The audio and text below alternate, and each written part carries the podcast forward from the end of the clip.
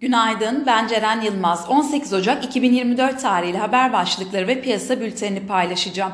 ABD perakende verisi sonrası Fed'in Mart'ta faiz indirim yapması ihtimali swap piyasasında %50'ye düştü.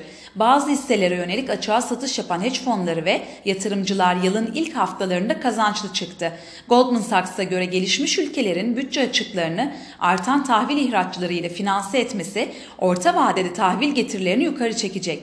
ABD Huse hedefleri yine vurdu. Pakistan ise İran sınırları içindeki militanları hedef aldı. Piyasalara genel olarak bakacak olursak pay piyasalarında kısa vade için önemli bir beklenti kalmaması nedeniyle Borsa İstanbul'da momentum yavaşlasa da rasyonel politikaların karlılıkla uygulanmaya devam etmesi ve yabancı yatırımcı ilgisi sürdükçe geri çekilmelerin orta vade için alım fırsatı olarak değerlendirileceğini düşünüyoruz.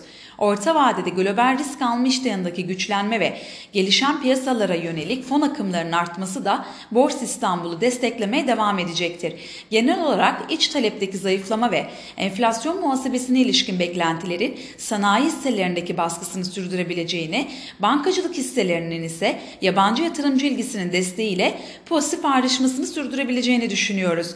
Bu sabah ABD vadelileri ve Alman DAX vadeli satıcılı Asya borsaları karışık seyrediyor.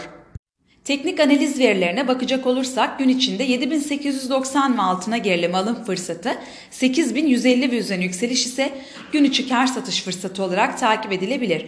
Viyop tarafında ise gün içi long pozisyonlar için 8995, short pozisyonlar için ise 9135 zarar kes seviyesi olarak izlenebilir.